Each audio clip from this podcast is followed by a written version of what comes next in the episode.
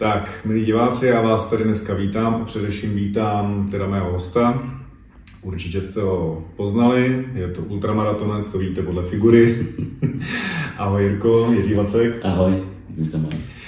Takže pokračujeme v naší sérii eh, dopingu, co máme eh, určeno v podcastu bez předsudků, ale myslím si, že dneska už to bude trošku jiný pohled, protože bych chtěl spíš zmapovat tvůj eh, profesní nebo závodní nebo sportovní život a chtěl bych se zaměřit na, na celou historii mm-hmm. tvojí. To nemyslím, že jsi tak starý, to není, to vidíte, to kudrnáš stejně jako já, takže dobrý. Ale určitě i samozřejmě zakázané látky obecně a doping, jak se o něm mluví, tak eh, od nějaký doby byl součástí tvýho života sportovního. Ano.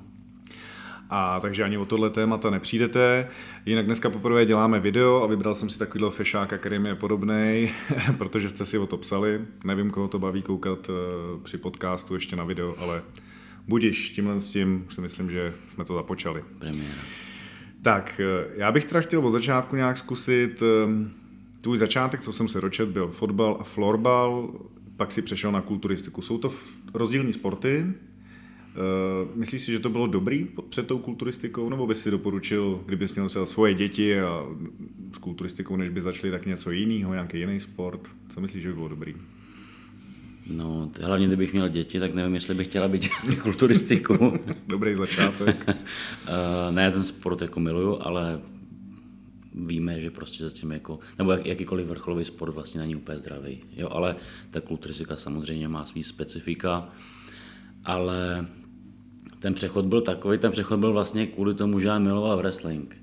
Takže já, já to je velký oblouk docela. No, takže já jsem sice hrával, ale fotbal byl, já nevím, do mých, abych, abych nekecel do 12, jsem hrál fotbal a pak jsem přešel asi na florbal, kde jsem hrál i za Spartu. To mě jako bavil florbal hodně, protože já byl jako kluk jsem byl jakoby, nebyl jsem takovejhle velký, měl jsem 60 kg, 65 kg. Tomu nikdo nevěří, protože si všichni myslí, že Jirka se narodil už takhle velký. Tak, tak nenarodil, jenom jsem měl jakoby proporce asi vhodný pro tenhle sport, protože uh, jsem, kdyby se s vším tak táta, když šel, tak měl lejtka velký, máma měla lejtka, máma měla ještě vlastně široký ramena a široký zára, takže tam jsem trochu ty geny asi měl ale hlavně jsem byl rychlej a měl jsem rychlou akceleraci. Hmm. Takže jsem byl dobrý jako ve florbale na ty křídelní pozice. Ale hlavně jsem měl wrestling, takže mi celý dětství koukal na wrestling. A vlastně jak kluci měli vzor, já nevím, Beckhama a podobně, tak já měl vlastně Dwayna Johnsona, když ještě hrával wrestling, takže drog. A to byl můj začátek, že já jsem chtěl odjet do Ameriky, že bylo mu jedno můj sen, že bych chtěl do Ameriky a dělat wrestling. To je ale velká jako odbočka mně přijde. Jako z fotbalu, wrestling a nakonec jsi v podstatě kulturistou. Jo, jako určitě, no. Ale takhle, co si budeme, ten wrestling americký, samozřejmě tam ty figury, ty chlapy mají, že jo, jsou to v podstatě napůl kulturisti, co už mě dneska přijde jako teda u více sportovců, takže jako nějaká spojitost tam určitě je.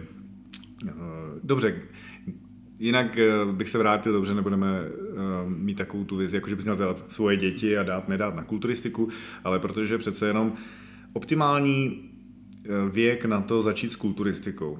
Jo, jak jsme se bavili, když hraješ tenis, tak někdo ti řekne, kdo nezačne do pěti let, nemá šanci uspět. Já nevím, v golfu, v hokeji ti řeknou taky deset let, to už je pozdě. Mm-hmm.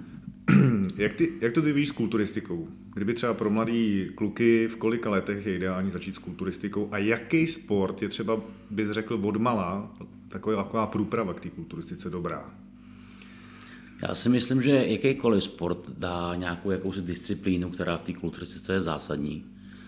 Ale myslím si, že třeba hodně jako výbušný sporty, jako je třeba atletika, hmm. třeba hodně sprinteři nebo jo, tam, kde používáš rychlý svalový vlákna, který mají největší tendenci, jakoby potenciál růstu. Mm-hmm. Jo, když se podíváš na sprintera nebo maratonce, vidíš ten nepoměr těch vláken, oni mají prostě maratonec má vytrvalostní vlákna a sprinter má jakoby rychlostní, že jo, ty uh, víc pod, s potenciálem růst, takže tohle si myslím, že je super. Gymnasti vypadají super. Jo, mají hodně tricepsy rozvinutý, ramena. Střed, těla, střed těla je skvělý, nemají třeba takhle nohy ale to jsou sporty, které jsou jakoby šikovný na ten, na ten odpich takový, takže atletika, gymnastika mi přijde jako fajn hrozně. Hmm, hmm. Ale No a když se budeme bavit o nějakým, samozřejmě beru to, že každý jsme originál a každý je naprosto individuální, jak kostrou, somatotypem, i tím v podstatě začíná se většinou, bych řekl, kolem té puberty, takže někdo má tu pubertu v úzovkách ve 12, ve 13, někdo v 17, u něho probíhá nějaký ten hormonální proces té puberty, ale tak jako obecně, když to vezmeme, eh, předpokládám, že před, nevím, desátým rokem určitě ne, kulturistika. Nebo byl bys Kulturistika klidně? jako ne, ale tam je, já, já mám trošičku jako problém s tím, že lidi vidí kulturistiku jako už toho, co vidí jako mě třeba, nebo koukají, nebo na ještě větší extrém, Ronnie Coleman a takhle. Ale kulturistika jako ta kultura těla je o tom jako rozvoji tělesným. No dobře, ale teďka jsi to řekl sám, že jo? Jako budeme se zeptat 100 lidí ven, eh, kulturistika a myslím si, že je to jasný. Jo, jasně, já, já tě rozumím. Jo. Ale ten ne, neviděl pro... jsem ani dětskou. Já třeba popravdě, eh, nebo, takhle, viděl jsem eh, z Ameriky, že tam jsou i soutěže nevím, jestli jsou to přímo kulturistické, ale mám jsem pocit, že jo, abych teda jako neklamal. A tam byli kluci jako desetiletí, já nevím, prostě to byli kluci, jako úplně klučíkové. Jo, ten nesmysl. Tam už hlavně z psychologického hlediska takhle být, ten sport není v pořádku psychologicky moc, jo, jako promenádovat se někde v trenkách a mít svý tělo jakoby nějaký sebestřed vesmíru jako není úplně optimální a na to dítě, který se rozvíjí hlavou, to není asi dobrý, když si ti ženu měj kosky na břiše a to je pro tebe zásadní v životě. Dobře, s tím jako já souhlasím. A tak zhruba kdy teda si myslíš, že by to mohlo začít? Protože já si pamatuju, že já sám jsem v 15, ve 14 letech začínal, eh, neříkám, že s kulturistikou úplně, ale posilovna činky, chtěli jsme vypadat dobře, mm, nevím, přišlo to tak si myslím asi ve 14 letech. A ta otázka je směřovaná jakoby k soutěžní kulturistice nebo ke cvičení? Ty to prostě budeš komplikovat, to jsem si vybral hosta, to je super. Uh, tak to rozdělme, klidně to rozdělme. Sám řekni, jsi i trenér, jsi ano. úspěšný trenér si myslím a věnuješ se hodně lidem. V podstatě se věnuješ, jestli se nepletu, teda uh, jak závodně, tak i lidem, kteří v podstatě chtějí jenom trénovat nějak pro sebe. Ano. A stejně tak teda předpokládám, že nedělá, jako trénuješ jak ženský, tak chlapy. Přesně tak. A to vím, že každopádně v tom jsou rozdíly tak to můžeme rozebrat postupně. Pokud teda budu chtít to dělat jenom sám pro sebe a nemám žádný ambice soutěžní. Jednoduše, pokud chci to tělo rozvíjet, můžu začít fakt už jako malý kluk, malá holka.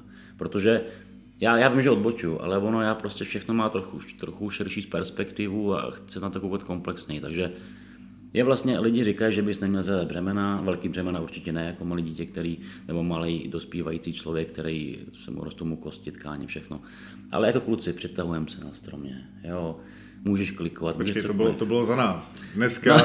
já co vím, tak mý děti přitahují maximálně telefon k sobě. Jo? jo, já rozumím, je to tak, ale jakoby zvedáš břemena, zvedali jsme kameny, jo, cokoliv. Takže ten pohyb, to zvedání nebo přitahování, to tam prostě bylo už od dětství.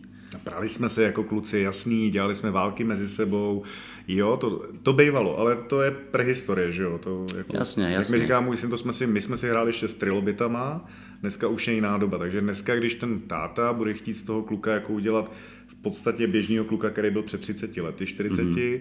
tak ho bude muset jít někam na cvičiště nebo nějaký, nebo do fitness, jo, někam prostě, někde, kde už je to k tomu přímo určený. Protože když ho vypustí do lesa, tak on podle mě pustí navigaci, jak nejrychleji se dostat domů. Jo, jako...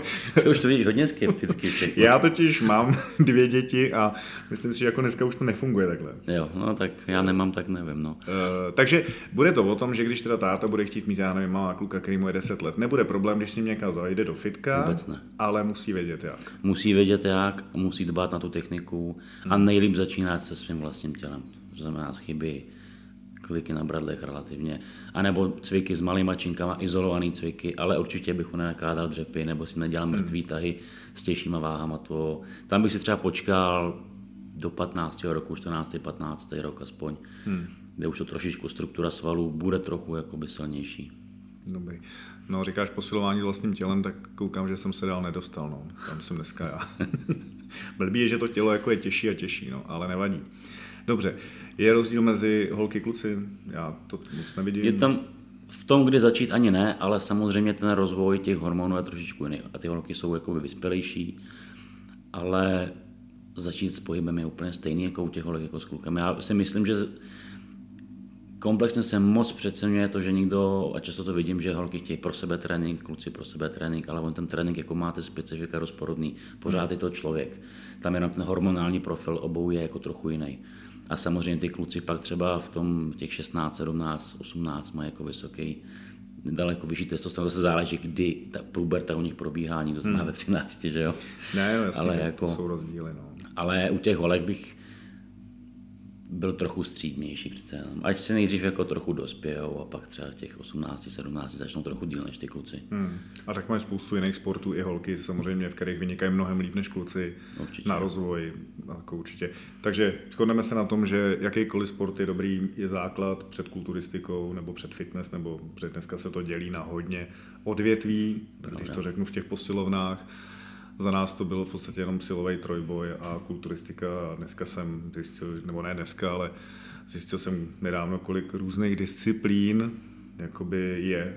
Pro mě to byla vždycky kulturistika a jak jsem se v tom už vůbec nevyznal. My jsme vždycky říkali, jdeme na železa. Jo, a, jo, a ne, zvedat prostě. jo, přesně tak. Jako asi jak říkáš, jakýkoliv sport, ale zase třeba maraton, běhat maraton, běhej nebude nic. No. Úplně dobrý základ. Dobře, tak všichni ty děti, co běhají ty maratony v té Etiopii, Keni a podobně, nedělejte kulturistiku. Dobře, kdy jsi začal ty teda s kulturistikou, když se vrátíme k tvýmu životu sportovnímu? To, to bylo složitější, já jsem zprvu jako neměl rád velký svaly. já, já nevím, tak jo, věříte takže- mu to, tak já teda moc Ne, ne. já jsem totiž, jako pro mě byl Van Damme v té době. Když jsem byl kluk, jo, takže prostě Jean-Claude Van Damme pro mě byl maximum jakoby ideál svalu, no a pak když jsem viděl Arnolda, tak jsem říkal, to je strašně, takhle bych nikdy vypadat nechtěl prostě. No. Jo, ale Řekni, samozřejmě- řekni někdo, že nejseš podobný Van Damovi. To jo, to jo, to jo, ale jako ten kluk jsem to tak jako viděl a přišel fakt zlom, hele, já jsem cvičil doma od, š- nechci kecat, mez- přelom 15. a 16. roku, doma jsem začal na klikama a pak jsem měl malou EZ8, co jsem dostal a pak mi vlastně rodiče koupili takový ten domácí tu věž, tu, ten stroj posilovací, tam jsem jako začal. To byla taky dobrá móda, si pamatuju. To byla, no, to byla. Tam jich je taky určitě někde ve sklepích a na půdách mají rodiče vaše a podobně. A já už jsem to měl tak, že jsem měl vlastně sparinga už i doma, takže můj kamarád nejlepší na střední jezdil ke mně domů a tam jsme se čívali. Hmm. Já měl byt, nebo byt, pokoj, plagát tam vylepený, že kulturistů celý a Klasika, no. klasika. Takže tam jsem začal a do posilovny v 17 jsem šel poprvé. Hmm. Eh, Když to teda pomalinku mapujeme, ten tvůj eh, sportovní život, eh, začal by si teďka s ohledem na to, co si všechno prošel v té kulturistice, začal by si dřív, anebo to bylo v pohodě těch 17? Ten úplný začátek byl 16 a asi bych Hele, víš co, já narad říkám, že jsem něco, že bych něco měnil nebo že jsem něco udělal špatně, protože až ty přešlapy tě naučí dělat To jo, to se věci. shodneme, ale právě ale proto- asi bych začal ještě dřív. Kdybych věděl, že mě to takhle jako chytne, tak bych začal. Aspoň o rok dřív bych ještě začal. Hmm. Hmm. Mě trvalo, já byl trochu jakoby takovej mm, stydlivý do posilovny. Kdo tam na mě bude koukat a že to nemám co dělat. Takže, Stýdlín, dobře. No. Já nevím, tak eh, sedíme tady, mluvíme spolu pár minut a mi se zdá, že tě ta kulturistika úplně proměnila. Tak chtěl si být Van Damme, to úplně moc nejseš. Chtěl si dělat wrestling, eh, jsi kulturista, byl jsi stydlivý, chodíš na pódiu v hodně jako eh, úzkých a malých v podstatě plavkách, pokud to je stejný, jako to bývalo. Tak to je velká proměna, takže určitě, že kulturistika ovlivnila v tvém životě, ale to asi se k tomu ještě dostaneme. Dobře, jdeme dál. Kdy jsi se rozhodl, že tu kulturistiku myslíš opravdu vážně, nejenom jako, že to děláš pro sebe, ale že už si začal mít nějaké ambice se závoděním, porovnáváním se s někým jiným, nebo když jsi řekl, že bys to mohl někam dotáhnout. Zhruba třeba věk. přesně v té době těch 17 let. Takže jako takhle hned relativně... z- Hned z kraje, hned jak jsem se čel doma a hmm. úplně vím přesně do dneška, co odstartoval, bylo to první číslo Masla Fitness, kde byl na titulce ještě mladý Arnold Schwarzenegger. Takže to je opravdu přímo datumově dohledatelný, dalo by se říct. Dá se říct, že mě, na měsíc ano, vyloženě, Jo, přesně dobrý. tak. Bylo to vydání a byl tam právě Sean Ray, což asi to by nic neřekne. A toho, když jsem viděl, tak jsem řekl, a chci být kulturista a jsem si jistý, že chci. Hmm, A pak už to šlo všechno jenom za kulturistikou. Takže si začal podřizovat všechny věci té kulturistice. Ano, Tak. většinu. A, no, tak dostáváme se do takové další fáze, protože rozhodnout se pro jeden sport a mít jako to odhodlání, že to je ten můj životně vysněný sport, bez kterého si nedovedeš představit v podstatě ten moment eh, jako život, tak to nastalo relativně rychle teda u tebe, před, v těch 17 mě to tak přijde, že to málo kdo, pokud do toho netlačí rodiče a podobně mm-hmm. do nějakého sportu, ale že se sám rozhodneš, tak mě to přijde docela brzo, ale docela fajn. Jo. Akorát. Já zhruba můžu říct, že jako paralela je v tomhle se mnou, já jsem měl zhruba 17 rozhodnuto, že prostě mě chytly bojové sporty. Mm-hmm. Jo, takže, takže to chápu. A od té doby jsem v nich. Tě taky vydrželo. No, eh, taky to nechalo nějaký následky, ale to nevadí, jedeme dál. Dobře, v eh, 17 si se takhle rozhodl a kdy byly první tvoje nějaký uh, závody? Nebo jak dlouho to trvalo, tohle rozhodnutí? Dva, tři roky zhruba, mě bylo, teď nechci kecat, ale myslím, že mi bylo 20, když jsem šel na hmm. první závody. Předpokládám, že pokud že jsi začal u časopisů, Uh, takže v té době si neměl, předpokládám, trenéra, ale jenom jste čerpali z nějakých informací ohledně právě těch časopisů mm-hmm. a mhm. podobně. Uh, kdy poprvé si se dostal třeba mezi někoho, kdo tě opravdu ovlivnil v té kulturistice. Už to bylo někde v té první posilovně, anebo až když se dostal trošku vejš? Někdo, kdo ti poradil, nebo ti byl motivací a podobně, myslím, jo? Motivací já jsem fakt měl pro mě bylo těžký a mám to do dneška problém s autoritama, takže mi nikdo aby mi říkal, co mám dělat. Já měl svoji hlavu, takže... Jaký povědomí, Ale pot... potkal jsem, eh, s kamarádem jsme chodili, ten měl trenéra, a to už, to už teda jsme v nějakém 19. roku. A my jsme pak byli kolegové a s tím jsem jakoby konzultoval trénink trošičku. Mm-hmm. Stravu, a on mi říká, stravu a suplementaci to se dělej sám, tomu stejně rozumíš, ty jsi v tom, furt v tom jsi zahrabaný, tak se to dělej sám. A jenom mi vždycky řekni co ke svýmu tréninku. Ale stejně já jsem si tvrdohlavě na svoje, takže... ale, ale takový velký ovlivnění, a ani ne tak jako, že by mi něco řekl, ale když jsem potkal Tomáše Bureše kdysi v právě v těch 17 a viděl jsem ho, tak to bylo velký hmm. psychický ovlivnění. Takže...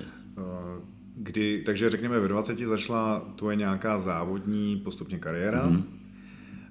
Teďka si mi říkal, že se vlastně jakoby vrátil, takže máš eh, druhou vlnu, řekněme, v závodění. Já bych to jako, jako dá se říct druhá vlna, já jsem teda nikdy neřekl, že jsem skončil. Já nemám rád takový to, končím kariéru. To ne, to jsem zaregistroval, že ne, ale tak ohledně, s ohledem na to, že si vlastně nejezdil na ty závody kulturistické, tak by se dalo říct, že to jako polevilo ano. v závodění a teď si chytil, nechci říct druhý dech úplně, ale máš prostě druhou vlnu závodění. Dostal jsem chuť konečně. Já jsem a... jakoby byl znechucený tím, proto jsem skončil tím světem. Kolik teda, když řekneme let, trvala ta první vlna, protože já si sám pamatuju, jak jsou výkyvy vlastně v té hlavě, kdy člověk ten sport miluje a pak ho miluje tak strašně moc, až ho vlastně úplně nenávidí chvílema, třeba mm-hmm. i. Nebo ty věci kolem. No to závodění bylo od 20 a teď jsem byl po 4 letech 11 let a vlastně 11 let v kuse, pak pauza a teď po čtyřech letech jsem šel. Hmm. Teď mi vlastně 35, takže to vychází tak. No. Šul, no, takhle. No a když by si 11 let v kuse závodit, pak mít pauzu a teďka si začal, uh, ohlížíš se někdy jako zpětně, jaký, tak asi určitě se ohlížíš, ale jako pousměješ se někdy nad těma svýma přípravama, tréninkama, suplementací, jídelníčkem a podobně? Jasně, že jo. Jako, tam největší průser byl, jak říkám, ale v, tým, v tomto sportu je prostě nejzásadnější a lidi to furt nechtějí pochopit, ale bez genetiky můžeš, bavíme se o dopingu, můžeš sypat, co chceš, ale bez genetiky to tam není. Takže jakoby ta genetika je zásadní, na tom jsem stavěl, takže i když jsem držel stravu, vždycky ta strava byla v úvozovkách, na to jsem dbal, nechci říct nejmíň, ale prostě jsem to hodně stavil na tréninku. Ten mě hmm. bavil, to jsem miloval a tu stravu jsem vždycky, já mám rád jídlo, že jsem to trochu jako uspůsoboval sobě. Jasný. Dobře, takže jsi zmínil ten samozřejmě eh, tu genetiku, ale to se bavíme o tom, že v podstatě genetická predispozice, je alfa omega dle mého názoru nejenom na jakýkoliv sport a na jakoukoliv činnost lidskou. Ano. Pokud prostě máš dáno, že máš matematický mozek, tak ti asi nebude problém dělat veškeré věci, které s matematikou souvisí, ale asi těžko dáš dohromady nějakou básničku. Jako stejně tak to funguje i ve sportech, jak jsme se bavili na začátku, nějaký maratonci versus nějaký sprinteři nebo podobně. Ale jak chceš vysvětlit klukovi, který přijde v 15, v 16 do posilovny? Ty na něj koukneš a většinou už jako víš, že ten somatotyp nebo ten geneti- tu genetickou predispozici k tomu jako nemá. Mm-hmm. ale on chce. A teď jsme u toho, jo, že teď se dostáváme k tomu tématu toho dopingu a když on bude prostě dřít rok, dva a uvidí úplně minimální pokroky a pak tam bude vedle něho kamarád, který právě má tu genetickou predispozici k té kulturistice. A to je třeba ten moment, kdy ten kluk šáhne po nějakém dopingu. Jak je odradit ty kluky? To je strašně těžký. To je, on rozní blbě, já bych řekl, že je to téměř nemožný, protože, nebo to, hele, proč já jsem začal točit videa, bylo právě to, že ten doping se tak moc utrhl ze řetězu, že jsem to chtěl trochu. Řekl jsem si, kdybych zachránil byt jednoho mladého kluka hmm. od tohohle, od toho nějakého průseru, tak to bude super. Jo, ale pokud ten kluk má trochu IQ, nebo je trochu jako, že chce na sobě pracovat, jsou i takový kluci, kteří dokážou nad věcmi přemýšlet z širšího kontextu, tak mu to jako rozumí, řekneš mu, hele, máš na to čas, nejdřív to zkus, jestli to jde, samozřejmě čistě. A říkám, baví tě to, chceš to dělat, dělejte pro sebe. Jestli miluješ trénink, trénuj si a takhle mluvím, ať je to mladý nebo dospělý člověk, říkám, hlavně to dělejte sami pro sebe, hmm. protože kulturistika je ještě tak nevděčný sport. Já úplně nevím, jak je to třeba jakoby v MMA, jak moc je to ovlivněný jako politikou, ale v té kulturistice prostě si vím, že tam fakt je pár strejdů v řadě, který si nějak vyspí, mají svý koně, mají, jsou tam sponzoři, nemusíte mít rádi a můžeš vypadat sebe líp, ale stejně ti řekne, no dneska prostě ti to nedám. Jo, takže stejně ti nezbývá, když chceš závodit, říkám každému, dělejte to sami pro sebe. Teď mi trošku připomněli to teda úplně odbočka k jinému sportu, ale mě tohle, byť teda neznám to prostředí toho sportu, tohle jsem si vždycky říkal o krasobruslení. Jo, často to Možná to bylo tím, že já jsem jako, teda nerozumím krasobruslení a mně to tak přišlo, jako co tam chtějí hodnotit. Přesně jak říkáš, tam jsou prostě jenom lidi a je to o zalíbení a ta kulturistika, mm-hmm. když vezmeme tu nejvyšší, tu soutěžní, mně to taky takhle přijde. Přesně, že to je jako, ty můžeš být v životní formě, ty to tak můžeš cítit, ale jak říkáš, on se strejda špatně vyspí nebo prostě ho nepozdravil na chodbě, protože si schazoval a on ti to jako nedá. Je to tak. To je, to je strašný úplně. A bohužel jako v té kulturistice to tak je, že tam dochází k, jako k podplácení třeba u nás ve svazu a taky jde. Ale to je všude, když to máme, jsme Češi, ne? Jo, to je, on to bude všude. Jako za peníze, kdo by co neudělal, ne? ono to bude všude ve světě, ale jako, ale je to blbý a ještě třeba nevím, jak to, bavíme se, neznáme ani jeden krasobruslení, ale nevím, jak je to tam, ale u nás je to, že ti řeknou, že je nějaký trend, jenomže na každých těch závodech, které jsou třeba dělí týden od sebe, sedí jiný rozočí hmm. a každý z nich najednou chce jiný trend. Jeden ti řekne, nebej tak dotažený, druhý ti řekne, radši víc oblej, druhý, radši buď úplně vysekaný, nemusíš být tak plný. A u těch holek už vůbec neví, co si mají tam říct. Jako. Hmm. Dobře, teďka jsi zmínil, a to je pro mě, ne, že by to byla úplně nová věc, ale já sám, protože třeba v našem sportu, uh, náš sport se permanentně vyvíjí, nemá ukotvený do dneška, bych řekl pořádně pravidla, jako má je ukotvený, ale v podstatě stále se vyvíjejí. Mm-hmm. Pamatuju si velké změny pravidel, náš sport je relativně mladý, kolem 30 let, když se bavíme o MMA, ale kulturistika má o trošku delší trvání. Eh, teď mluvíš o trendech. Jaký si trendy zažil ty, řekněme, o kterých si četl? Protože předpokládám, že to bude stejný, že v Americe jsou jiný trendy, přece jenom kulturistika a její meka je asi, bych řekl, Spojený státy americký. Určitě. To o tom asi jako žádná. Eh, jsou ty trendy, které když jsou v Americe, tak přijdou k nám za 5-10 let. Platí to i tady v té kulturistice třeba? Nebo to vidíš, že jsou jiný trendy v, Evropě u nás? Jsou jiný. Jsou Aha. jiný. Myslím, že se to ani není jako dobou, ale v té v Americe hodně je, je tam ta velikost, ta masa těch svalů. Nemusí být ani tak suchý třeba kolikrát, tak tvrdý. Suchý ale... teda pro ty lidi, kteří to úplně nevědí, uh, hodně odvodňujete, odvodňujete před závodama, abyste se úplně vysekali, aby vám vyjeli žíly a podobně. Tak, že máš fakt jako jak kdybych, jak papírovou kůži takovou úplně. Mm-hmm že tam není ani film body. Je strašně zdravý. Jo, ohromně. takže to je, je to tak a u nás zase v Evropě, když uh, i když to bylo ještě spojený, proto o tom mluvil Petr Vaně, že těch federací je více. Mm-hmm. Ale ještě když byly federace spojený, bylo prostě mezinárodní IFBB, celosvětový, a jenom Amerika byla taky IFBB, ale když to byli profíci, tak to bylo IFBB Pro a spadalo to pod NPC tak tam to prostě bylo jiný. Ale jinak celosvětově se bralo, že v takové v té amatérské části, amatér, aby chápal lidi, i když byl někdo mistr světa, pořád to byl amatér. Až výhrou mistra světa, kdy v té době tenkrát, nebo mistra Evropy, ale ra, radši mistr světa, jste mohli dostat jakoby právo přestupu k profesionálu. Aha, je takhle. Jo, a do té doby furt, když jsi byl na mistrovství světa, tak jsi byl amatér. Jo, to profi vlastně bylo jenom o tom, že na profi scéně už jde o prize money. Hmm. To byl ten hlavní rozdíl. Jako. Takže proto všichni tenkrát chtěli kvůli sponzorům, kvůli všemu do profi. Jasný. A, a platilo, že mistrovství světa a podobně vždycky hodně připravený, hodně vyrýsovaný tělo. Fakt tam šlo na tu připravenost toho závodníka a pak spoustu závodníků, kteří se stali profíkama, tak už nechodil tak připravený mnohdy, ale byli prostě velký. Byli velký, oblí, kulatý. Hmm. Tak jako pravda, že třeba i v amatérském a profi boxu jsou rozdíly, i v amatérském MMA a profesionálním MMA jsou rozdíly, tak když to jsem úplně netušil tohle.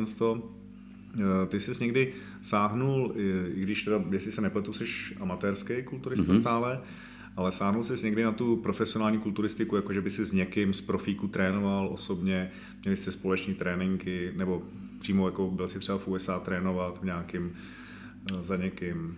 V USA jsem nikdy nebyl, já jsem posera na lítání. Se dá polo, jako lodí plout, ale trvá to chvilku. Malinko. No. Ale jako v, uh, s Amerikou vůbec nemá nic společného, ani s americkými profíkama jsem nikdy neměl tu čest trénovat. U nás je spoustu kluků už profíků, takže jsou to mý kolegové, hmm. ale jako my spolu netrénujeme, tam jako není rozdíl v tom tréninku vůbec. Hmm. Je no, tam já rozdíl. jsem spíš myslel, jako se hecnou třeba, jo? jak jsi říkal na začátku, že jsi měl vlastně sparring partnera uh, jako kamaráda, tak jsem spíš myslel něco podobného. Jo? Jako, zase, když to při, jako přirovnám k našemu sportu, u nás se jezdí na nějaký kempy a podobně, na sparingy. Mm-hmm. Je to v podstatě, že samozřejmě nikdo netrénuje úplně extra jinak, zhruba všichni šulnů trénujeme stejné věci, ale jde o to, my se vyloženě potřebujeme tělo na tělo popasovat.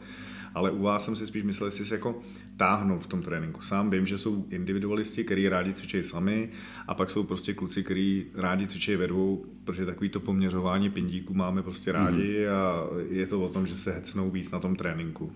Jaký teda zrovna, teda jsi radši typ ty, když to řeknu, co preferuješ? Já jsem samotář. Samotář. Jo, ale, ale má psa. Ale mám psa. ale pes taky jako vypadá, že dělá kulturistiku mimo jiné. no, víš, lidi by řekli, že je tlustý. ale, ale já jsem, já, abych pravdu řekl, já úplně nenávidím hecování. Já jako, mě když vidíš trénovat, já si myslím, že trénuji jakoby tvrdě, vždycky jsem trénoval tvrdě, ale chytře. Jinak hmm. než ostatní. Já nemám rád zbytečný řvaní. Jo, pro mě, pro mě já trénuji trochu, trochu jinak, nejdu za extrémníma váhama, ale pro mě, jako, když jsem v tréninku, je to taky divný, ale mám takový ten, jako, jsem v zenu takový, potřebuji být úplně propojený. Pro mě, když budu cvičit záda, stávám se zádama. Tak takový to dneska moderní, jak se říká, že jsi v tom flow. ano. Uh, což ty samotáři k tomu tomu mají rozhodně blíž. Uh, což to bych řekl, že může být i velká výhoda v té kulturistice, protože pokud je někdo odkázaný na uh, pomoc na nějaký tahouny a podobně, protože to je i v jiných individuálních sportech, tak potom je blbý, když toho partnera v podstatě k sobě nemáš, kdo tě táhne, což je to je velká výhoda. Ale teď mě zajímalo, že jsi zmínil, že uh, cvičíš tvrdě, ale chytře. Zase jsme u toho, já sám, když jsem začínal s železama, tak to byla taková doba, je to strašně dlouho, to ani nebudu počítat a říkat, před kolika lety to bylo. Tak se začal potom rvát takový trend jako extrémně těžkých váh. Mm-hmm. Že objem se jinak nedá udělat. Když už vidím, jak se směješ, jak jako neplatí to, nebo myslíš si, že to nemusí platit vždycky? Nemusí to platit vždycky. Hmm. Jako, proto, aby si měl velký svaly, tak potřebuješ budovat hypertrofii. Prostě hypertrofie laicky nebo pro lidi, který neví, co znamená, jako je zbytnění svalových vlákna. Nejde tam primárně o sílu. Mm-hmm. Samozřejmě ty potřebuješ to tělo furt vystávat nějaký nový adaptaci. To znamená, potřebuješ se silově jakoby posouvat, ale ne na jedno opakování. Mm-hmm. Jo, tam účel, účel toho prostě růstu svalu, lidi si myslí, že sval roste, protože do, že cvičíš. Tak to vůbec není prostě. Jenom růst, rostou svaly jenom díky tomu, že tělo chce přežít dlouhodobě. To je celý adaptace přežití. To znamená, pokud tělo na nějaký ú, ú, úrovni přetěžují dlouhodobě a je to pro to tělo jakoby nezvladatelný, tak je nucený se adaptovat a prostě sílit mm-hmm. nebo z, z, jakoby zbytňovat tu solovou hmotu. Ale u té hypertrofie nejde ani tak jako o tu sílu, jakoby dobu pod napětím. To znamená, ty, čím díl vystavíš sval stresu, kdy nemáš šanci si odpočinout, tím větší šance je, že prostě tam bude ta adaptace toho růstu. Že víte, člověk je ve flow a v podstatě je ve stresu. Tak. Hlava je ve flow, tělo je ve stresu. To je dobrý, to je takový pěkný. Ale zase jenom, abych to dořekl, jsou lidi, kteří fakt, Janko tam o tom mluvil v tom, že třeba taky, že mu dobře seděl nec úplně na hraně tréninky, mm, že zjistil, mm. že v finále mu to jde líp, pak ta síla. A takhle je to vlastně ve všem. Jsou kulturisti, kteří líp jako reagují na nižší počty opakování, třeba 6, a pak jsou takový, kteří reagují třeba na 15 opakování. Aha. Jo, hmm. takže není to prostě jak to tělo každý individuální, tak a ideálně je skloubit vlastně všechno dohromady. To je zajímavý. Eh, tady v tom bych určitě viděl takový, hlavně pro ty mladý, protože samozřejmě tím, jak eh, taky si to pamatuju, jak jsme závodili mezi klukama a porovnávání a hecování, kdo zvedne víc a podstatě dost často dochází už v útlým, nebo v podstatě ne v útlém věku, ale v takovém těm věku té puberty, kdy začnou cvičit kluci, tak si udělají většinou už nějaký zranění si nesou. Mhm. Právě tímhle s tím, že se snaží asi jako dostat co nejrychleji k nějakému vysněnému tělu, tak začnou předvávat ty váhy. Tam bych řekl, že to je skoro možná ještě nebezpečnější. Asi ten trend je do dneška. Ale zase, asi by tam u toho měl být trenér, měl by tam být eh, člověk, který je nějak řídí, řekne jim a podobně. Nemýlim-li se. Nebo by si začal, eh, nebo takhle, možná se ještě vrátím k tobě. Když ty zase nemáš rád ty autority, ty bys to dělal stejně. a to je pak dobrý. Takhle, poradil by si každopádně, aby když někdo přijde a chce začít s kulturistikou, fitness nebo podobně, aby měl trenéra? Ano. Shodneme se, že jo. Shodneme se asi na tom, že ten trenér ti musí i lidsky nějak sedět? Jednoznačně. To, bez toho se neposuneš. Bez toho, to, takže to vidíme jakoby stejně. A možná pro ty mladý kluky jim to přijde jako drahý, nebo na to třeba nemají peníze. Co mají dělat v tom případě? Já se k tomu vrátím, jenom bych se vrátil k tomu, že já nemám rád autority, které jsou nucený. Pokud je autorita, že je fakt autorita, pak si nemám problém. Mm-hmm. Jo. Ale se potřeba obhajovat, to je dobrý. to jo, to já všechno obhájím. Ale uh, teď jsme u toho problému. Ten trenér je prostě zcela zásadní. Hmm. Nebo zcela zásadní. Pokud já věřím, že každý má prostě talent na něco. A talent je prostě o rozvoji. Buď ho máš, rozvíjíš ho, nebo, nebo ho nemáš a těžko ho budeš rozvinovat. Ale když ten talent relativně nemáš, tak fakt potřebuješ trenéra. Potřebuješ někoho, kdo ti minimálně dá nějaký ten záchytný bod, jak začít, jak postupovat, eh, jak se při tom tréninku chovat. Problém je, že já mám pocit, že třeba já se budu snažit být mírnější, takže nebudu říkat 90, třeba 80% trenérů jsou úplně k ničemu a neumí sami trénovat. Hmm. A to je problém, který vidím dnes a denně. Takže i já mám problém, když za mnou někdo přijde, že bych chtěl se mnou trénovat, buď na to nemá jakoby peníze, nebo není z tohohle města, nemá možnost za mnou jakoby dojíždět, tak mi řekne, poradil bys mi, já mu řeknu, hele, pro mě je, jak chci mít čistý svědomí, tak já řeknu, já nevím, já tě bohužel, já ty lidi nevidím, hmm. jak trénují a ty, co vidím, tak jako nemůžu ti to poručit, když vím, že tam třeba trénují. Hmm. No, jasně. Jo, a je to těžký. Já si nemyslím, že jsem nejlepší na světě, ale vím, že uh, v tomhle já se věřím, že jsem hodně dobrý trenér, bezpečný a proto je těžký pro mě, když vidím někoho, že chce si nechat pomoct od trenéra a vlastně jenom vyhazuje peníze jako do hmm. kanálu. Je to past velká. To věřím. Já to vidím stejně asi v mnoha sportech, i v tom našem a podobně. Eh, teď jsme se jako přehoupli teda vlastně do toho, že jsi trenér z toho tvého závodního prostředí, nebo z, tý, eh, jakoby z toho, že ty sám závodíš. Eh, kdy jsi začal poprvé jakoby trénovat teda lidi? V 19 mladý perspektivní trenér, no. To byly asi rady, viď? Jaký jsi, nebo stál by si dneska ještě za těma radama, který jsi dával v té době? V té době jo, protože v té době se ani nevědělo to, co se ví dneska. Hmm, Takže jasný. řekl bych, že v té době bych neudělal moc věcí jinak. Hmm. Tak jde vidět, že co děláš vždycky asi nejlíp, jak v tu danou chvíli dokážeš. Ano. To si právě, to říkáš hezky, já si myslím, že spoustu trenérů to ani nemyslí ve zlým, ale fakt to dělají, že si myslí, že tak je to nejlepší. Hmm.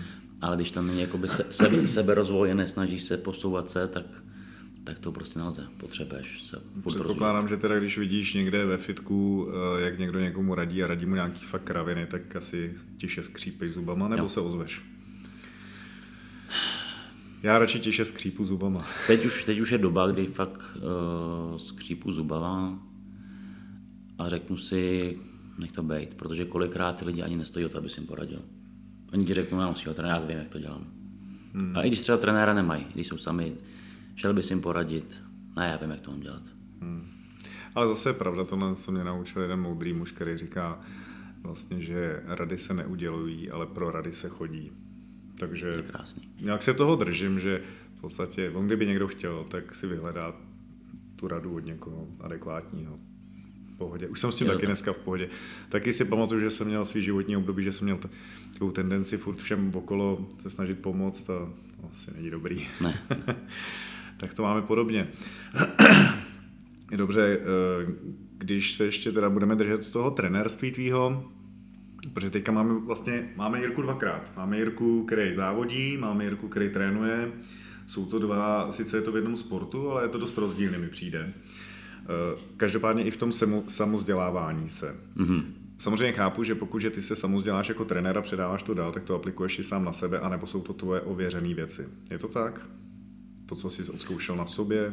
Potřebuju to odzkoušet na sobě a ideálně na lidech, protože to, co funguje na mě, nemusí fungovat na ostatní a to je jedna z těch chyb trenérů, že To je ten individuální přístup. to je ten individuální vždycky. Ale to je stejný i u nás, že mně přijde, že ty trenéři předávají to, co šlo jim a vůbec nekoukají na to, že v podstatě každý ten člověk je originál. Mm-hmm. A u nás máme ještě asi mnohem víc rozdílný to, že u nás máme ty somatotypy, jako jsou podobný kulturistům, až po ty vytrvalce. V jedné váhové kategorii, kdy máš 70 kg, tak můžeš mít prostě borce, který má 1,60 m, ale i borce, který má 1,90 m. Je to jiný styl boje a podobně. Což u vás třeba není, ale i tak je každý individualista, každý je naprosto jiný typ člověka a na to potřebuješ mít nějakou empatii. Tu se, tu, buď to si musel mít vrozenou, což jako většinou říká, že člověk opět musí mít vrozenou tu empatii. To je prej dobrý na balení holek. dobrý, aspoň něco malinko jsme vytáhli. Eh, Ale samozřejmě se to, hodí se to jak na holky, tak i na to, že eh, být dobrým trenérem. Když eh, vidíš úplně člověka, když to řeknu čistý list, který začíná, ty třeba na něj jukneš, že vidíš po fyzické stránce, že má ty predispozice k té kulturistice, není ovlivněný žádnýma jinýma názorama, tak předpokládám, že s takovým člověkem se ti pracuje dobře. Mhm, určitě. Než když máš člověka, a s tím se dost často setkávám já, že přijde už a jakoby, když to řeknu, zkažený něčím. Jo. Jak jsou tam vzorce v roz, už nějaký, jako, tak je to Zafixovaný, zafixovaný tak... je to špatně. Je to špatně. Dobrý, tak jenom uh, nepopsaný papír, než přijde k Jirkovi. Ale paradox je, že já většina lidí, který mám, tak, eh, tak jsou zničený lidi, co mám. Nemám neobsaný papír, Jsi ale... taková poslední štace pro ně. Jo, Že když, pocit, jako opravdu, jo. no, jako ne, jakože za mnou mám pocit, že chodí lidi, jakoby se úplně zrevitali, revitavil, revitalizovat. No jasně, Jo, takže že prostě buď si tam hormonální profil rozházený, holky bez menstruace, z přílišných diet, a skřivený kluci, špatně naučení techniky, takže to je krásný sport, zdravý, to doporučuju. Dobře, eh, takže ještě když budeme u toho trenérství, určitě za chvilku bych se chtěl věnovat tomu, že dneska už pro jednoho člověka asi v mnoha sportech je víc trenérů. Ale to ještě chvilku nechám být, když tak mě to připomeň. Mm-hmm. Teď bych se chtěl ještě vrátit k takovému čistému trenérství, co bylo za nás, jak jsi ty říkal, sestavování tréninku a pořád uh, takové ty podobné věci. Jo, hlavně ten trénink. Dřív se tolik nedbalo, jak jsi říkal, to strava udělej si sám, ta je jasně daná, že jo, rejže kuře, to si pamatuju já. Ještě v té době to nikdo jako neřešil. Dneska samozřejmě víme, že tam strava je u všech sportovců najednou hrozně důležitá, nebo dneska už nevyhnutelná, stejně tak jako psychologie toho člověka, takže v podstatě máme nějaký kouče a podobně mentální. Ale když zůstaneme u těch surových tréninků, pamatuješ si určitě, protože už si taky něco zažil, byť teda nejseš tak starý, takový ty vlny a trendy v tom posilování. Myslíš si, že se to někde jako ukotví, anebo budou přicházet vždycky nový? Ani se nemusím bavit o tom, že byly, ale přijde mi, že přijde každý tři, čtyři roky nějaký nový, spe, úplně special, převratný a teď to začnou jako... Furt to je? Furt to platí? Myslíš si, že to bude... Já si myslím, jako ve všem, ať je to výživa nebo trénink, tak ty trendy vždycky nějaký budou. Hmm. Ale řekl bych, že teď už nebudou mít takovou, když budou ty trendy jakoby jenom fakt špatný, tak nebudou mít takovou životnost, jako měli kdysi. Jo, já dám třeba příklad, jakoby my tady prostě v Čechách jsme, i když už jsme hodně daleko, tak jsme pořád jakoby, nechci říct zaostali, ale jsme pozadu prostě, hmm. jo. A to, co se trénuje ve světě, tady se jakoby netrénuje. Takže tady byl, a to si pamatuješ určitě i ty, byly klasický splity, že kulturistický trénoval si buď třeba jeden ten prsa, biceps, No jasný. ramena, triceps. Tak a to podobně. jinak, jo. A, Se divím. a já vlastně trénuji jinak. Já jsem přešel jakoby na tahový tlakový dny Aha. a to, co, jakoby, za- to, co mě moc kulturistů rádo nemělo, ale prostě třeba anglická škola kulturistická to takhle jede už nějakou dobu. Hmm.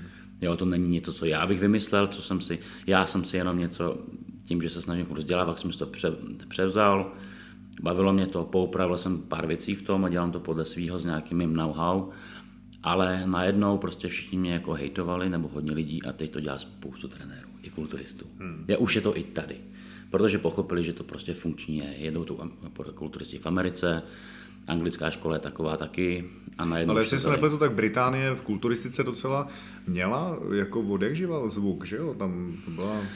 Tam Jo, měla. Vychovali jako, si myslím, že dost dobrých kulturistů. Tak hlavně Dorian to hodně No, ovlivnil, jako jo, jo, tak to si ještě takže- pamatuju, no. Ale i tak, když vezmeme ty trendy, že některý byly, tak určitě asi, jak ty říkáš, některý zaniknou, ale některé věci z nich zůstávají.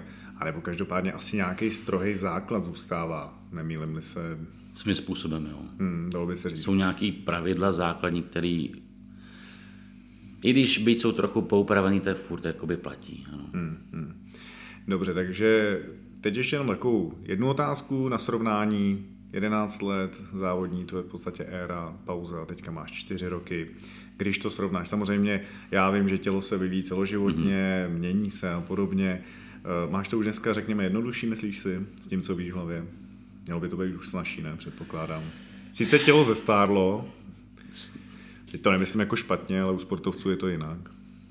Jako ano i ne, ale ve své podstatě je to snažší, protože máš víc vědomostí, umíš s tím tělem pracovat, máš to vypozorovaný, už moc dobře víš, že každý rok tělo funguje trošičku jinak, víš, jak se sebou pracovat, víš, čemu se ideálně vyvarovat, hmm. víš, že méně je někdy více a podobné věci, ale pak je tam zase ten, ta druhá strana mince, to, to jsme třeba bavili já s Petrem Havlíčkem, když natáčíme, tak je paradoxní, že ty pochopíš, že když čím víc toho víš, tím máš pocit, že už nic nevíš. Hmm. Protože se to pak všechno bourá jako najednou. A víš, že to je ještě hlubší a ještě hlubší. A ještě je tam další vrstva, co probádat. Jo, to, takže... to bych řekl, že to je v jakýmkoliv směru lidského vědění, že nejvíc řvou ty, co nejméně vědí, že mají jasnou pravdu a všechno vědí nejlíp a čím víc eh, se bavím s lidmi, kteří jsou odborníci svého ať řemesla nebo prostě směru, tak přesně jsou takový váhaví, nechtějí říkat rezuletní a jasný verdikty, jak by to mělo být, protože jsou si moc dobře, jak to asi teďka dobře řekl, jak se to navzájem všechno může i vyvracet. No. Ano. Dobře, ale každopádně v tomhle směru je dobrý, že asi už trochu znáš svý tělo, umíš ho poslouchat. S tím jsem měl já sám osobně třeba taky velký problém, když jsem byl mladý, ale to je asi těma hormonama, tím, jak člověk chce všechno hned a nebyli jsme jiný, mladí jsou asi podobně na tom. Eh, Já mám kolikrát taky spíš problém, že ty mladý eh, kluky musím brzdit, se mi zdá, než abych jako je hecoval ještě do výkonu. Jo. Nevím, jestli je to podobný, takže předpokládám, že je. Jak u koho, hmm. jo, ale jako a z hlediska, z jakého úhlu to koukáš, jestli Takový trénink, ty zapálený, myslím, A nebo úplně, jakoby no. pak ty ospa, věci, jako je chemie. No, no, tak k tomu se Tam taky... musí brzdit. Dobře, tak, tomu, tak dobře, když jsme to rovnou na, eh, nakousli, tak se zeptám. eh, Začal si teda v těch 17, 19, 20 si začal teda řekněme nějakou tu, eh, zkoušel to závodění a podobně. Kdy jsi uvědomil, že to bez toho, bez těch zakázaných látek hormonů, dopingu, nebo jak to nazveme, je úplně jedno, kdy jsi uvědomil, že to dál nepůjde bez toho? Na tu nejvyšší úroveň. Asi jsem si to uvědomil jakoby dřív, ale furt jsem nechtěl připustit tu hru. Furt jsem měl tu najednost sobě, ale já to prostě jako dokážu být prostě lepší, je prostě naturálně. Ale to je hezký, jako mně to zase přijde, že ten vnitřní boj s tím, než rovnou řekneš, jako že by se s tomu oddal, že jsi se s tou myšlenkou prál, mně, to, mně, to je, mně je to sympatický, hmm. musím říct tohle. To. Ano, tam je asi, tam je víš co, tam je těžký, tenkrát to ještě šlo, dneska už je prostě těžký, když vidíš kluky v Americe, které mají 23 a jsou na Olympii. Hmm. Tak si řekneš, no já nemůžu čekat prostě do 30. Jo, když seš, pokud to pro tebe je a ten kluk, který mu je 20, 22, 23, 25 relativně, tak si řekne, mně je to jedno. A to slyšel jsem i zkrát, já prostě za pět let to můžu, ale chci být na Olympii. Ono samozřejmě za pět let bude přemýšlet jinak, ale v tu chvíli to jakoby neví. Takže já jsem furt byl jako furt jsem věřil, tenkrát byla, můžu se měl firmy některý, nebo? Pohodě, můžeš, no. Třeba byla farma Masletech, jestli si pamatuješ, a byl tam, že jo, Jay Cutler sponzorovaný. A na těch pixlách byl prostě Jay Cutler a já jsem si fakt myslel, že tak to bez toho proteinu. Jo, k tomu se asi pak dostane. Ano, to bych ale chtěl. ne, není to z toho proteinu, ale No a ty jsi to prozradil, ty jsi to řekl. To, tohle budeme muset vystřihnout, No. protože na to jste nikdo nepřišel ještě. takže jako jsem byl dlouho naivní, nicméně jsem jako závodil do 26 naturálně mezi nasypancema. Ano. Uh, to je, to je docela dlouho teda, popravdě musím říct. Jo. Tak to si dlouho se to v tobě asi pralo. Uh, a teďka se rovnou jako zeptám, takže v 26 tam přišel nějaký zlom. Uh, teď ještě než rozebereme tohle období, dneska jenom vlastně to vezmu jakoby odzadu. Uh, začal bys si dřív nebo později s těma zkušenostmi, co máš? S těma zakázanými látkama, když to takhle pojmenujeme, nebo dopingem. Víš co, ono těžký dneska se rozhodovat, když nejsi v tom mozku toho mladého kluka. Dneska bych, teď ti řeknu, nezačal bych dřív. Hmm. Protože jak já říkám všem těm klukům, jo, když vysadíš, seš jakoby měkčí, seš ošklivější. A říkám, ale furt na to, jak jsem prostě nízký, budu mít 100 kg mých. Hmm. To jsou moje svaly vydřený prostě. A já vím, vidím to i třeba Tomáš Bureš, jak to je jako legenda na kulturistiky. To jsou lidi, kteří, když nebudou nic sypat, tak prostě to mají vydřený. A tím, že začali díl, tak všechny ty svaly, které v tom zásadním věku od těch například 17 do těch 25 vybudovali, tak byly jejich svaly. Hmm. A ty ti zůstanou prostě. Ale ty kluci, kterým je 17, 16 začnou, tak nemají svoje svaly. To je vlastně zajímavá věc, kterou by třeba měli vědět, a teď jsi to pojmenoval, to jsou ty tvoje vydřený svaly. Protože častokrát vidíme, že za neuvěřitelně krátkou dobu, několika měsíců, někdo ohromně naroste a pak ohromně splaskne. Mm-hmm.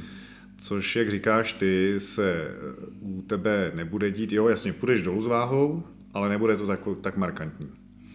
Takže i z tohohle pohledu seš pro, aby, řekněme, opravdu nějakých 5-7 let si budovali uh, ty svaly jako tím přirozeným způsobem, nějakou, řekněme, kvalitní stravou a doplňkovou stravou a podobně.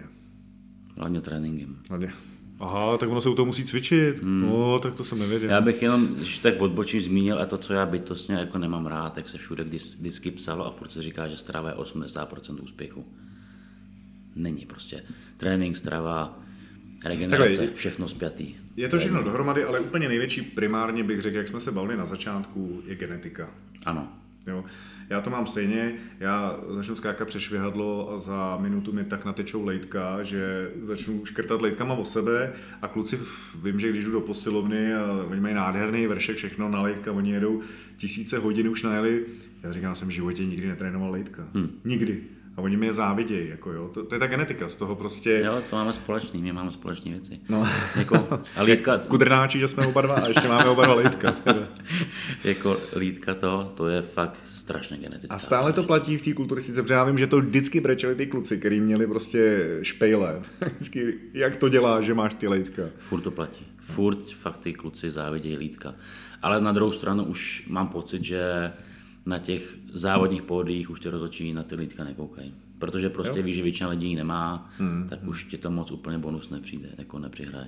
Jasně, kdyby tam byli dva totálně stotožní závodníci, stejně připravení, stejně velký, stejně krásný, a jeden měl lítka, druhý ne, tak vyhraje ten s lítkama. Hmm. To tak je, ale jinak Takže dobře, úplně primárně to se teda shodneme, to jsme řekli na začátku. Eh, Dneska možná, si myslím, že to je nejvíc odborný, co můžeš dát jakoby radu pro nějaký začínající nebo i mírně pokročilý, já myslím, že teda i pokročilý. Takže genetika je základ, přesto nejede vlak. Jo, pokud že vypadáte jak z Dachau s proměnutím, tak prostě um, asi kulturistika může být jako oblíbený sport, že na něj budete koukat. Ale ne, ne, Můžou- nedos, můžete ho dělat, ale nedosáhnete určitě v tom takový výsledky. můžou mít i svaly, jakoby, to můžou mít, ale ty proporce budou prostě ošklivý třeba. Tak. Jo, široký pás, úzký ramena a podobně. Jasný. Takže to máme genetika. Vemte si, že to je opravdu ten největší díl, který vám je jakoby dán od Boha, nebo jakkoliv to budete chtít říct. Takže ty potom si myslíš, když pomeneme tohle, takže už to není strava, ale je trénink. Druhý nejdůležitější, řekněme, je teda trénink podle tebe. Ano. Tak. Ten trénink, když se teda dneska podíváme, pomineme to, co si, si dělalo, děla, dřív, jaký byly trendy a podobně. Jenom tak jako zase, vím, že u každého člověka je to individuálně a podobně. Ale pro ty lidi, kteří nemají vůbec představu, jak často takový člověk nebo kolik má tréninku týdně, můžeme to říct. Před, předpokládám, že jedeš asi v týdenních cyklech, Ano. někdo jede občas třeba v jiných, ale takový asi nejčastější je to v týdenních cyklech. Aby měli představu, ty, co cvičí, už vědí, ale ty, co necvičí, aby měli představu, jestli se to dá udělat dvakrát týdně v posilovně, že budou vypadat jako ty a podobně. Jako, jako A stačí, já myslím, jednou, ne, tam mít, tak No, tak jako to. aspoň jednou naštívy by to chtělo trochu to protáhnout. Ale, ale když chceš, když začínáš a chceš se trochu posouvat třikrát týdně, je docela za mě stěžejní. Mhm. A pak už zase jsme tady u té regenerace. Každý člověk má jinou adaptaci, jinou regeneraci, jiné možnosti. Za mě u spoustu lidí je třeba taky to, že více jak pět tréninků týdně může být kontraproduktivní, ale aspoň ty, když budou fakt čtyři kvalitní, čtyři skvěle odjetý, dejme tomu k nějaký hranici selhání, tak eh, je to dost velký stimul, pokud jde hlavně o ten objem svalu. Pokud jde o kvalitu svalu, tak se obávám, že bude potřeba víc tréninku. Ale 4-5 tréninků týdně je úplně optimál, který tě může posouvat dlouhodobě. A ten je člověk prostě schopný v podstatě dát s nějakým tím normálním režimem běžného člověka. Ano. Jako je jídlo, spánek, Jo, to, co jo. zvládá.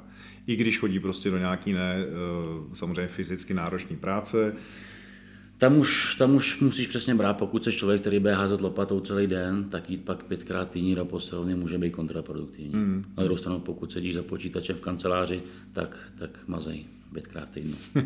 jo, Jasně. ale, to ale už musíš, se bavíme o těch individuálních v podstatě příkladech. Přesně tak, mm-hmm. přesně tak, vždycky to je individuální. Já třeba trénuju šestkrát týdně, mm. jo, pro, ale zase já už jsem podpořený něčím a byly jsou doby, kdy trénuju třeba 13 tréninků v kuse pak si dám den volna.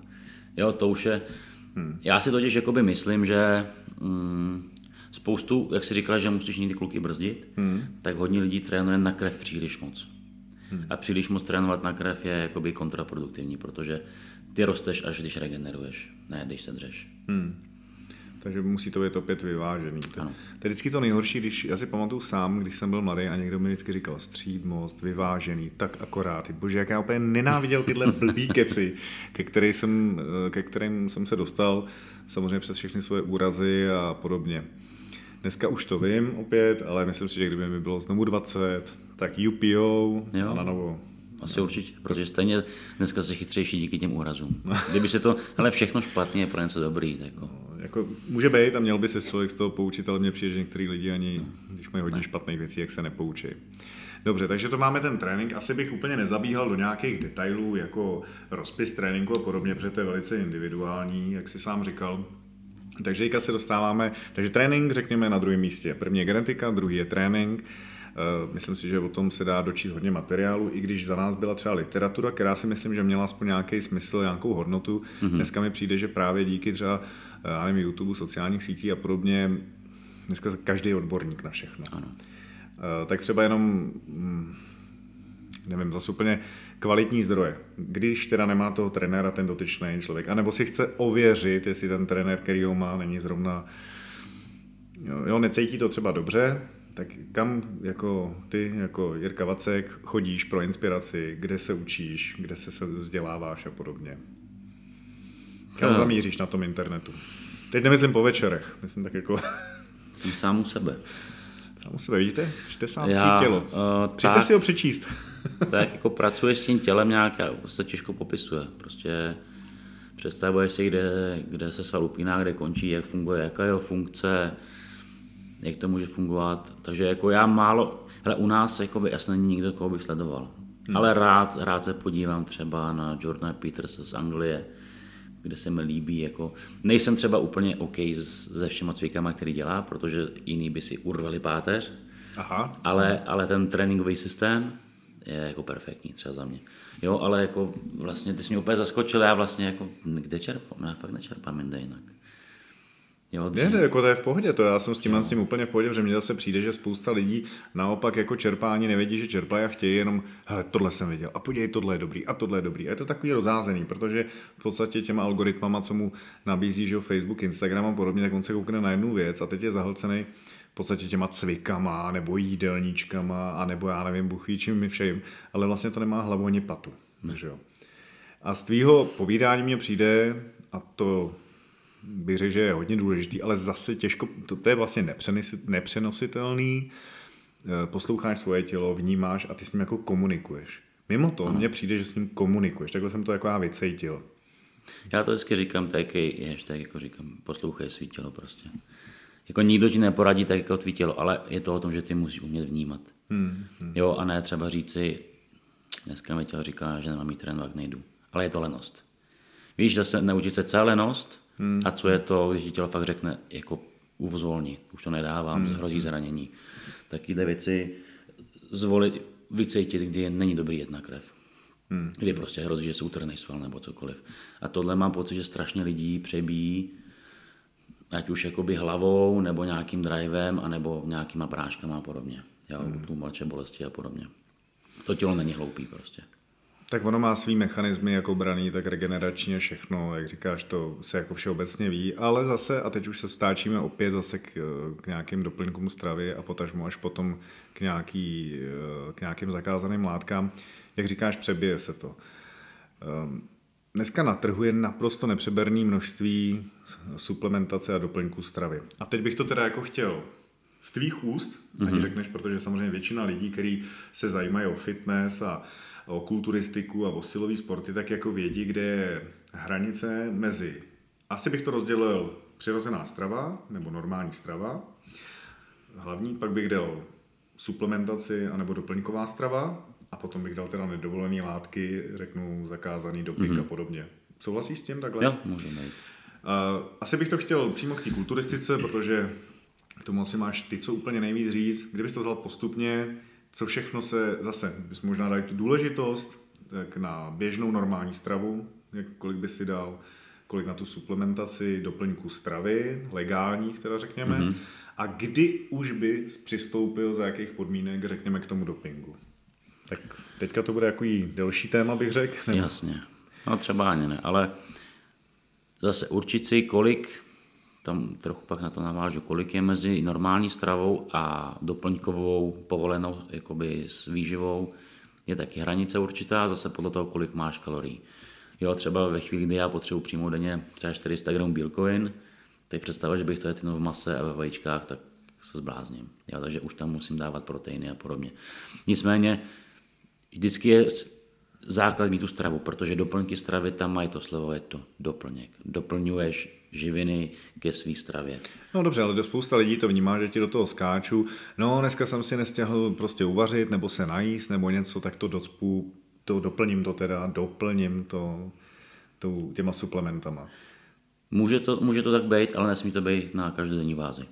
Mm-hmm. Jo, prostě bys tam měl mít vždycky, dej, dejme tomu, aspoň, já nevím, minimálně vždycky musí převážet 60-70% stravy pevný nebo jako relativně prostě klasický a pak jsme o nějakých u nikoho 10 až 40% já jsem třeba fakt extrémista, až třeba že 40% jako já fakt jedu na doplňkách. Opravdu máš takovýhle podíl. Já, no já to... můžu, já tady, buď můžu, když mluvíme otevřeně úplně, jo, jo. jo, tak prostě lidem bych řekl, vyjeďte 80 strava, 20 doplňky a já jedu 60 strava, 40 doplňky.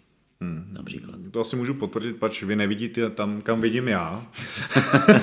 a tam to teda jako vypadá, tam těch pixel a sáčků, pitliků a všeho je jako požehnaně. Eh, ale tohle je taky v podstatě zase věc individuální, jak sám říkáš. Ty jsi se k tomu nějak propracoval po nějaký době. Mm-hmm. Je to že, tak. Že teda k takovému poměru, který ti sedí, a samozřejmě musíme brát, eh, kolik tě let, kolik let máš za sebou toho trénování, závodní kariéru, v jaký seš dneska fázi a podobně. Eh, zase se vrátím, a protože možná trošku bych chtěl, aby to video bylo pro ty, kteří začínají nebo trošku v tom tápou, eh, takže řekněme, jo, zase mladý kluk, 16-17 let, začne s tím, kdybys mu měl, jakoby, jo, nebudeme brát zase nějaký specifika, že má třeba mm-hmm. nějaký já nevím, alergie na jídla, jasně, jasně. nebo že má problém ze střeb... něco. Řekněme takovou obecnou rovinu, když pojedeme, jsi zastánce toho, že by měl hned od začátku sáhnout teda po suplementech? Ne. Nebo... Tak rozvíň to, jako řekni to svýma uh, slovama. Ano i ne. Rozhodně ne, jakoby v jídle. Tam je problém. Samozřejmě kluk, který bude mladý, má třeba 70 kg, nemá, takové, nemá takovou potřebu jíst takový množství živin. Pokud není fakt takový ten hardgainer, který může sníst co chce za ten den, jo, to mají některý mladí kluci to mají a stejně by nepřebrali ani gram, ale tam je to fakt zvládne úplně v pohodě ujíst jakoby bílkoviny třeba v normálním jídle, v mase, vajíčkách. Hmm. Může jíst tvaroh, kotyč, to už je na něm. A sacharidy, rejže, brambory, batáty. Jo, kde třeba, kde třeba za mě, když, to, když se jenom to trošičku, tak třeba sacharidy je věc, kde bych fakt spolíhal hlavně na, na jídlo. Ne na suplementy, mm-hmm. ale na jídlo. Protože sacharidy jsou skoro všude a doplníš je úplně v pohodě. S bílkovinama ty už tě zatěžují organismus trochu víc, na jejich zpracování tělo vyžaduje prostě daleko víc množství energie vydat, tak potře- je to prostě trochu složitější. Tam ten protein může pomoct. Ale takovýhle mladý kluk úplně jednak je omezený jakoby i rozpočtem většinou, pokud nemá rodiče, kteří mu přispívají na to, takže fakt by, ať si to postaví na jídle a na tréninku. Jo, prostě klasická. To Dobře. jsme zažili my vlastně.